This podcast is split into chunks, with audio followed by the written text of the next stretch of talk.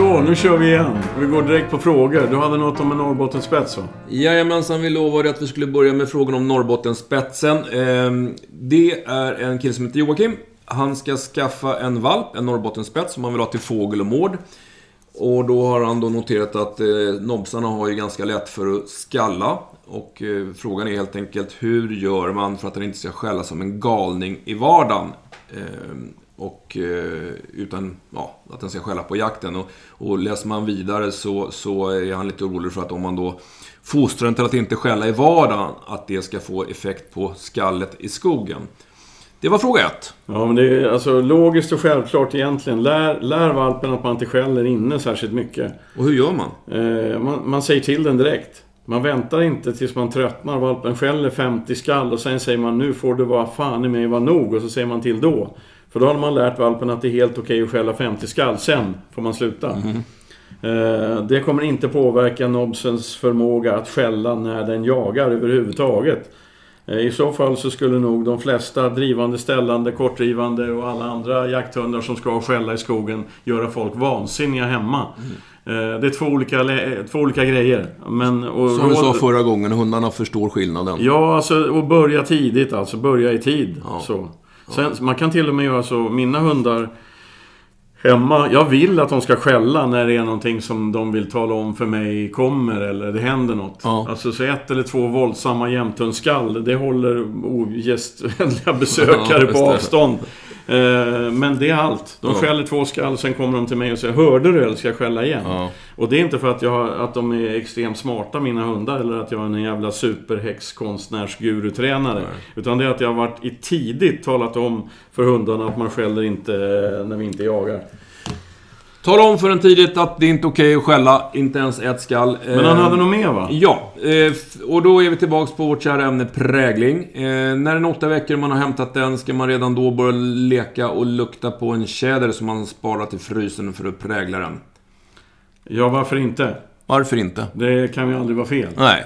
Eh, Norrbottenspetsar är, ens, min erfarenhet av dem, det är att eh, småspetsarna, både Norrbottenspetsar och finspetsar, de jagar det du vill att de ska jaga. Alltså de har sån jävla jaktlust, det är därför de används till... Jag känner folk som har, som har träskällar champions, alltså fågel, alltså träskäll, verkligen duktiga träskällare. Och när de har tagit alla sina nödvändiga pris för att det ska se bra ut på pappret. Sen jagar de älg och björn och vad fan, allt möjligt med de där hundarna. De jagar allt. Det jag jagar, det jagar min Norrbottenspets. Ja. Eh, så att det är klart det är bra att prägla, självklart. Så spara lite tjäder, spara morden också om du har någon. Ehm, bra, vi hoppar direkt på nästa fråga. Och eh, då har vi en kille som jagar mycket vildsvin. Ehm, han har en östlaika, en tik som är lite mer än två år och nu ska han skaffa sig en ny valp och då är han inne på en karelartik som ska också användas till vildsvin. Ehm, han funderar lite grann på om det är något speciellt man ska tänka på när man har en vuxen hund och tar in en valp. Eh, och vi har berört det här tidigare men, men vi kan göra det igen. Ehm, ja, rent allmänt Peter, prata fritt. Ja, men det kan Du har ju varit med om det göra. ganska nyligen. Ja, men det kan ju du också Ja. göra. Fan, vi har ju fler hundar. Men, men alltså grund, grundtipset är ju, eller grund, grunden för det är ju att kommer det in en valp i familjen där det redan finns en vuxen hund. Den här valpen vill förstå sin omgivning så fort som möjligt och fatta vad som händer och vad som gäller. Eh, och det smidigaste sättet och enklaste sättet för en hund att förstå det är att titta på en annan hund. Så valpen kommer ju att titta på den vuxna hunden och, och, och för att få förklarat vad fan som gäller. Ja. Eh, regler och allt möjligt. Så att man vinner ju på att sära på de här. Inte direkt och inte så jävla mycket, men alltså sära på dem så att man själv är den som får valpens uppmärksamhet. Och det är jag som lär valpen vad som gäller. Jag vill inte att min stora, tunga jämthunds, vuxen jämthund ska lära en jämthundsvalp vad som gäller. Eh, För då kommer valpen ständigt att titta på den hunden. Klassikern är ju inkallning. Jag vet folk som kommer till mig och säger att att eh, inkallning funkar jättebra med valpen, eh, precis lika bra som med den vuxna hunden, men i skogen funkar inte alls. Ja, ett skäl är att man tränar hemma på gräsmattan. Två hundar lösa, man visslar i pipan. Den vuxna hunden kommer direkt. Den unga hunden tittar blixtsnabbt på den stora hunden och springer åt samma håll. Det är ingen fungerande inkallning. Nej. Valpen följer med den vuxna hunden. Så det, det, är väl, det är väl det man ska tänka på när det gäller det där. Jag vet att du, vi pratade ju om det där när du hade liten och var 5-6 månader. För då sa du, det var ju medvetet från din sida, att, att du hade ju inte gjort någon liksom stor grej av att eh, hon skulle följa dig i alla lägen. Utan du visste att hon hängde på din äldre jämte Orka och, och, gjorde, och eh, följde henne i mångt och mycket. Men du sa att nu börjar det bli dags att, att, eh, att du kliver in liksom och tar ut henne på egna promenader och börjar styra upp. Att, att, eh, så att det är ju inte fel att hon eh, lär sig av den äldre tiken. Men man får ju vara medveten om att det får inte vara tiken som är flockledaren för henne. Utan Nej. Det skulle vara du. Nej, men och sen, det beror ju lite grann på... Alltså jag jobbar ju med det här så man har ju en del rutin. Alltså, jag vill ju att den här unga hunden jag har ska vara sjukt självständig när hon jagar. Ja. Jag vill ha långa förföljanden, långa ståndtider, långa självständiga arbeten. Och därför vill jag, vill jag så mycket som möjligt få den här valpen, alltså unghunden och fatta jag är bäst i världen och ja. gör precis hur fan jag vill. Och sen hämtar jag hem lydnaden ja, efteråt. Det. Men det, det, det bygger på, det är ju svårare. Det ja. smarta är ju att börja tidigt, det är klart. Men, men eh, må, många som numera som har löshundar, de har problem med för dåliga sök, för taskiga mm, ståndarbeten, för korta ståndarbeten eh, hundarna ger upp för, för snabbt vid tapter och så vidare. Och det, mm. det är för att man har plockat bort självständigheten. Mm. Det, min, mitt sätt att se det är... Och det har ingenting att göra med att man... Mina hundar är ju inte olydiga liksom. Men, men jag vill att de ska vara självständiga. Mm. Det är balansgång. Mm. Ehm, så att eh, styr upp valpen, absolut. Men bejaka också självständigheten. Hjälp inte valpen i alla lägen. Om valpen tvekar inför något konstigt när man är ute och promenerar. Jag springer inte fram då direkt och säger Lille vän, jag ska hjälpa dig över stubben här eller något. Utan låt valpen liksom anta egna utmaningar. Ge valpen tid att, att förstå att det här är inte farligt, det här klarar jag själv och, och massa sånt. För människan, många hundägare jag träffat, de är så jävla snabba att styra upp hundarna. Mm. Direkt liksom. Och då plockar man ju bort, det här är mina teorier, det finns fan ingen studie på det här, men jag tror man, man ganska lätt plockar bort den självständiga initiativkraften om man hela tiden är med och styr sin hund. Ja.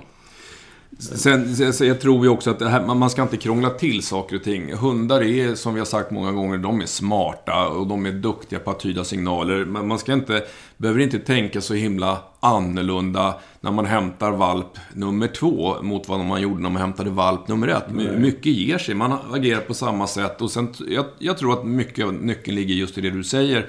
Och att jag hade ju ganska bra nu, sista valpen, eller valp, nu har ju blivit några år, men, men eh, för Mixa skulle bara jaga gris medan min vaktel, eh, som för övrigt är morsan då, eh, hon jagar ju allt klövvilt. Eh, så jag släppte ju aldrig dem tillsammans för jag ville inte att Mixa skulle lära sig mm. att jaga hjort och rådjur. Så jag hade ju väldigt mycket, hon fick ju jobba själv i skogen, gå runt och fnula för sin mm. egen. Så att hon lärde sig att vara självständig. Hade jag kört dem ihop, då är jag ganska säker på att hon hade följt efter vakten och, och tagit efter henne mycket. Va? Ja, men samtidigt, alltså, vi jagar ihop så jag känner ju dig för fan. Du la ju ett års tung ja. prägling på den här gråvakten. Ja. Det, det, var ju liksom, och jag deltog ju ja, ja, du var högsta grad delaktig. ja. men, men alltså, så att, så att eh, då får man ju en självständig hund som, som jagar på det sätt man vill. Alltså, lägg tid bara. Ja. Krångla inte till det. det, det de kom, hundarna sinsemellan kommer garanterat att reda ut det. Och, eh, så jag tror inte det ska vara några problem. Men sen hade han väl en fråga ja, till? Ja, han frågade också. Han har, han har en hundgård till sin östlaika. Och den är byggd för att den ska vara, enligt konstens alla regler, eh, ha rätt mått och för att ha två hundar.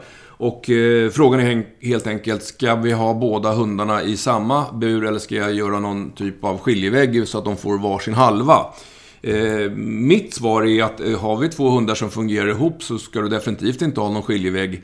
Eh, de, har, de mår bra att ha varandra sällskap och socialiserat. Eftersom de är i den här hundgården på dagarna när, när husse är på jobbet så, så, finns det absolut ingen anledning att dela upp dem om de funkar bra tillsammans. Tycker jag. Jag håller med om det och dessutom är hundar väldigt, väldigt duktiga på att läsa signaler. Så eh, om man utgår ifrån själv att det skulle kunna vara problem och ha dem tillsammans. Ja. Då kan det bli problem. Ja, Framförallt om man skiljer på dem när det är galler emellan. Ja. Så att de inte kan interagera på riktigt, eh, alltså fullt ut. Mm. Eh, så utgångspunkten är gemensam hundgård. Skulle det visa sig att det inte går, ja fine, dela på dem då. Då, då kommer skiljeväggen. Visst, yes. Um, nu har vi en liten sån här personlig reflektion som egentligen, ja, det kommer igen i väldigt många mejl på ett eller annat sätt. Det här med vildsvinsjakt och vildsvinsskador och som ni har förstått så är det någonting som vi roar oss ganska mycket med, eh, vildsvinsjakt i alla fall. Eh, Skyddsvästar. Skyddsvästar dyker upp i olika sammanhang. Och jag tror att vi har klargjort vad vi tycker. Eh, skyddsvästar, eh, man kan se det på två sätt. Det finns en klar nackdel. Eh, de begränsar hundens rörelseförmåga i någon mån. De kan bli ganska tunga och otympliga om det är jäkligt blött eller om hunden har simmat. Vilket ytterligare förstärker eller bromsar rörelseförmågan. Men samtidigt så har de ju då en, en eh, given funktion i att eh, skydda mot vissa sprättskador. Men... Och det här är alltså, jag har en kompis som blev av med en, med en eh, gråvaktel eh, som hade väst. Ja. Den hunden jobbade med en grupp grisar och ut ur planteringen så kom en relativt rejäl galt Eh, som tvärvände. Hunden hann inte undan. Eh, Klassiska är ju att hunden lyfter frambenen när utfallet kommer och vrider sig om och kastar sig bort ifrån grisen. Eh, Den hann inte undan så den blev sprättad i rumpan. Men jack, alltså i muskeln bara i rumpan. Ehm, Eftersom skyddsvästen inte täcker där. Eh, Och eh, galten vände, hunden, jaktlusten drev hunden. Den kände liksom inte det där, jaktlusten var för stark. Så grisen lurade ut, lurade ut den här gråvakten med västen på och blödande rumpa. I, I en sjö, alltså halvisig sjö. Och där dränkte grisen hunden. Alltså den, han hade ihjäl hunden helt enkelt. Fruktansvärd historia.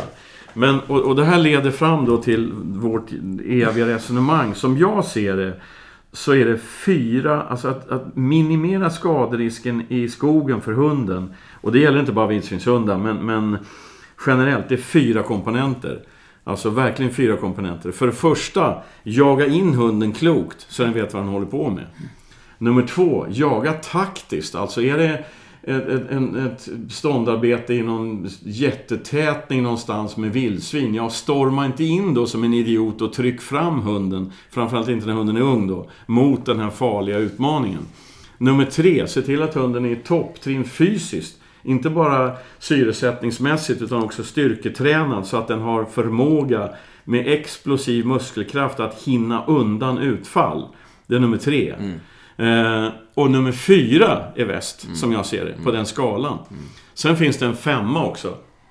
Och det är om en hund, hur vältränad den än är alltså, men, och rutinerad på alla möjliga sätt. Den har väst på sig och så jagar en vildsvin under tuffa omständigheter i fyra timmar en förmiddag.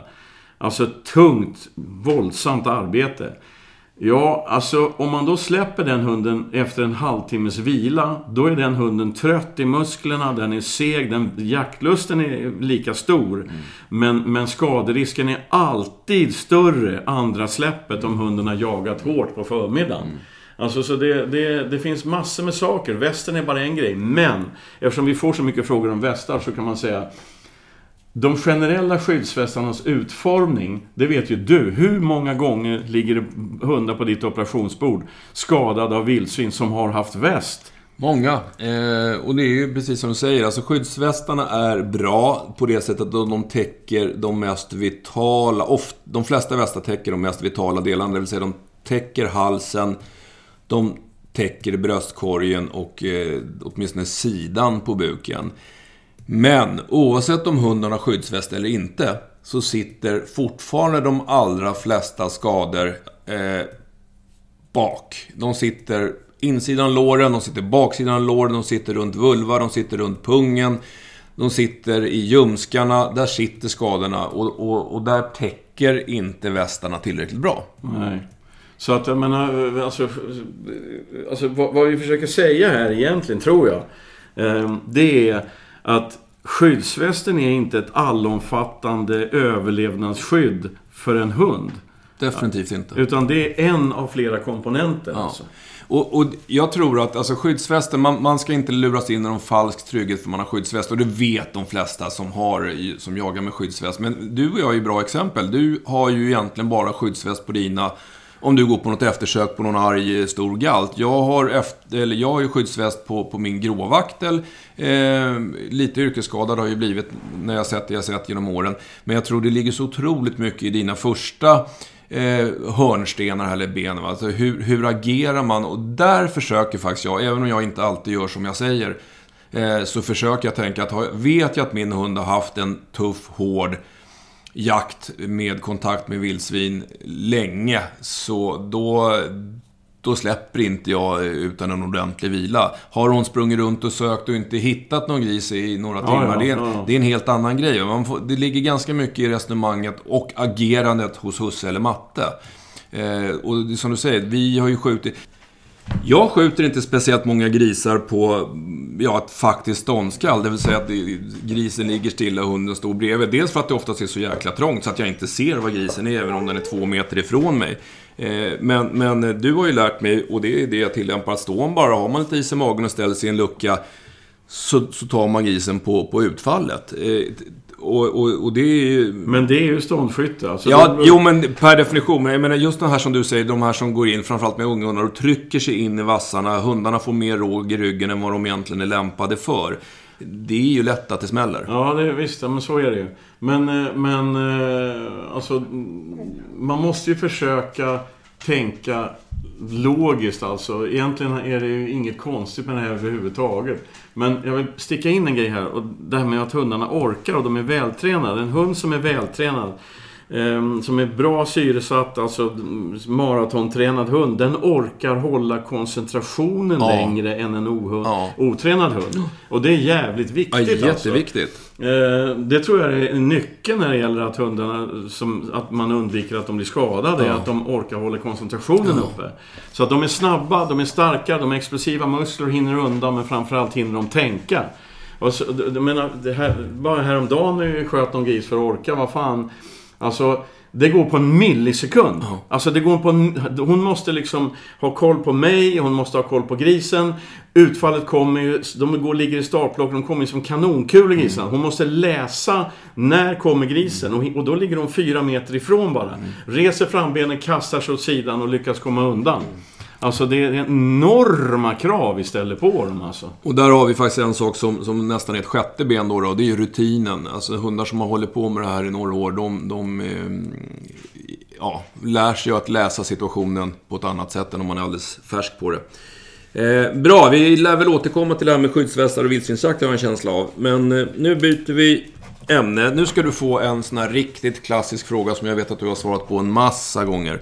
I det här fallet så är det en gråhund, en sexårig gråhund. Och han har den tråkiga egenheten att han skäller när det ringer på dörren, han skäller när det kommer folk. Han skäller när det är någonting som sker på gatan utanför. Vad gör man? Omplacering. Nej men alltså... Um, ja, alltså sex år, tror du det? Yes. Ja, men då är problemet, eller grejen är att det är ett etablerat beteende. Ja. Eh, så det, det, det, det här kommer ta tid, men det gäller att, att vara tidigt ute. Så det bästa är att rigga situationer alltså. Eh, så att man vet, nu i de här lägena skäller den här gråhunden. Ja, men styr upp gråhunden. Han, så fort, direkt tillrättavisar man hunden. Man korrigerar hunden direkt alltså. Och är han sex år, hunden, och, och, det är en bra relation med ägaren, så är det, inte, det är inte alls fel med lite belöningar och godis och någon schysst leverpastej eller något. Alltså, det är inte alls fel när hunden gör som man vill. Mm. Eh, men alltså, man måste göra det i tid. Vi snackade ju om det här tidigare om en valp, alltså nobbsvalp som kanske var skällig. Men har man en hund som, som har ett etablerat beteende att skälla så fort det händer någonting på gatan utanför. Eh, då måste man vara där direkt. Mm. Alltså inte, man får inte vara sen alltså. Mm. Men sen var det väl också så att det här hade att göra med att de hade fått en ja, bebis hussa, i familjen. Precis, och det, det är du inne på det här med etablerat beteende. Husse har ju inte brytt sig så mycket förut, men nu har det blivit en bebis och när hunden drar igång då så väcker den bebisen. Eh, och, och, då blir det naturligtvis ett mer påtagligt problem. Men, men det är ju, träningen i det här är ju ganska lätt. Därför att det här är ju någonting som går att rigga. Det går ju att rigga, tala om för någon att kom och ring på dörren. Jag är, står beredd att korrigera hunden. Säg åt någon att stå och rassla med snöskyffen på gången utanför entrén. Eh, jag är beredd att korrigera hunden. Så det går ju att rigga. Mm. Eh, nu är ju hunden sex år. Han har förmodligen fått hålla på så här eh, fram till bebisen kom nu när det faktiskt blir ett problem. Så det, det är ju svårare att korrigera men det ja, går. Ja, men alltså man kan ju korrigera genom att skrika och så, men jag ska stoppa in ett tips till här. Alltså, jag använder ju otroligt sällan korrigeringsverktyg. Alltså förutom min egen kropp då. Ehm, men det finns en grej, ett tips alltså. Och det här tipset ska... De som lyssnar på det här nu ska inte omedelbart ta det här tipset och börja använda det. Men har man ett sånt här problem som beskrivs här. En spets som, som skäller och, och det är skitjobbigt att få hunden att sluta skälla. Då kan man använda vatten. Mm. Alltså en blomspruta med en hård stråle.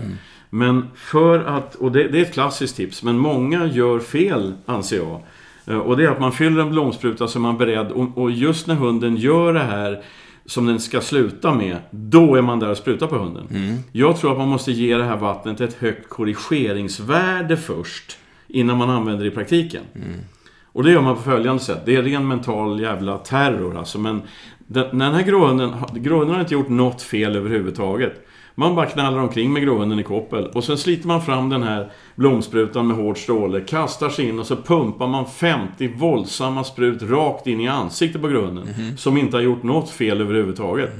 Det är för jävligt alltså. Man är skit, det är skitjobbigt att göra det.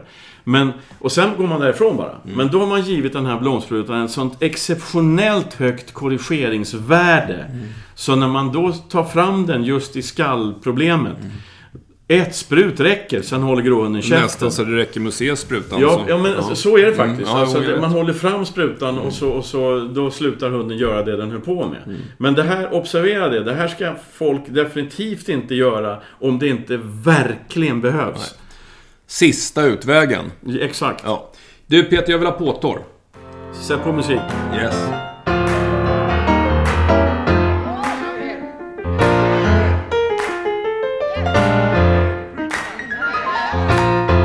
Kaffet är påfyllt. Eh, Vi ska faktiskt ta ett par frågor till och eh, de är inmailade på jakthundar och jakt@gmail.com. Vi svarar efterhand som vi hinner med. Eh, Det här är lite roligt på sitt sätt därför att det här är, eh, ja, en fråga ända från Norge och vi har faktiskt en hel del lyssnare på, i våra andra skandinaviska länder. Eh, Den här killen har en skillerstövare. Jag får läsa den på norska alltså. Ja, jag tror att det blir mer komik än, än seriositet av det då. Eh, nej, men det är en 11 månaders skiljerstövare som är tänkt att eh, jaga räv. Eh, den har funkat ganska bra till att börja med. När den var 10 månader så fick den spåra i band i en kilometer och sen blev den släppt. Eh, jagade 30-40 minuter, tog bakspåret tillbaka, så det verkar väl funka ganska bra. Sen har den här tiken inte riktigt utvecklats så som husse vill. Det blir... Eh, det funkar bra att spåra i band eh, och sen släpps hon och då så kör hon kanske 200 meter och sen så vänder hon tillbaka. Och husse har gjort precis som Peter brukar lära ut, försökt att gå med i löpan framåt och, och då kan hon ta upp en sväng till men det blir inte mer än 100-200 meter och sen tillbaks igen. Eh, och eh, vi tolkar det här som att det här har skett på snö, för det står någonstans att han har sett språngspår ifrån räven. Ja, han har spårat och sen när Ja. han när det har gått, övergått till språngspår så har Så han han släppt. släppt, just det. Men, men eh, hur som helst då, så problemet är helt enkelt att hon inte håller i. Ehm, vi har berört det här flera tillfällen och vi kör ett varv till. Ehm, ja, börjar du Peter. Ja, det är jättesvårt alltså när man inte eh, har sett hunden och sådär. Eh, vi får reda på lite mer men men eh, det kan ju vara omognad. Eh, det kan ju vara något... Eh, det är uppenbarligen på snö det här har hänt. Eh, så hur... Och hon spårar i lina och det går bra. Men hon har också jagat någon gång ordentligt. Ja, Stod det inte första det? släpper vi 10 månader så jagar, hon räven i 30-40 minuter. Ja men då finns ju... Alltså, alltså kapaciteten finns ju där. Ja. 30-40 minuter på räv. Om hon har hållit i hela tiden 30-40 minuter med skall. Det är jävligt bra det. Ja, med- men det är det. Lite sporadisk los står det och du antar att det är sporadiska tapp där. Ja, men om, som hon red, har rätt ut själv då? Ja. Ja, men då finns ju... Alltså, det finns... Mallan i påsen finns ju. Ja. Så att eh, det är bara att ha is i magen och fortsätta. Men, men... Om det här problemet, alltså hunden är ung alltså, det, det, och det är fan inte lätt att, att jaga räv. Alltså det, är en, det, det kräver en speciell typ av stövare. Men alltså om det här problemet fortsätter eller är kvar när nästa säsong börjar.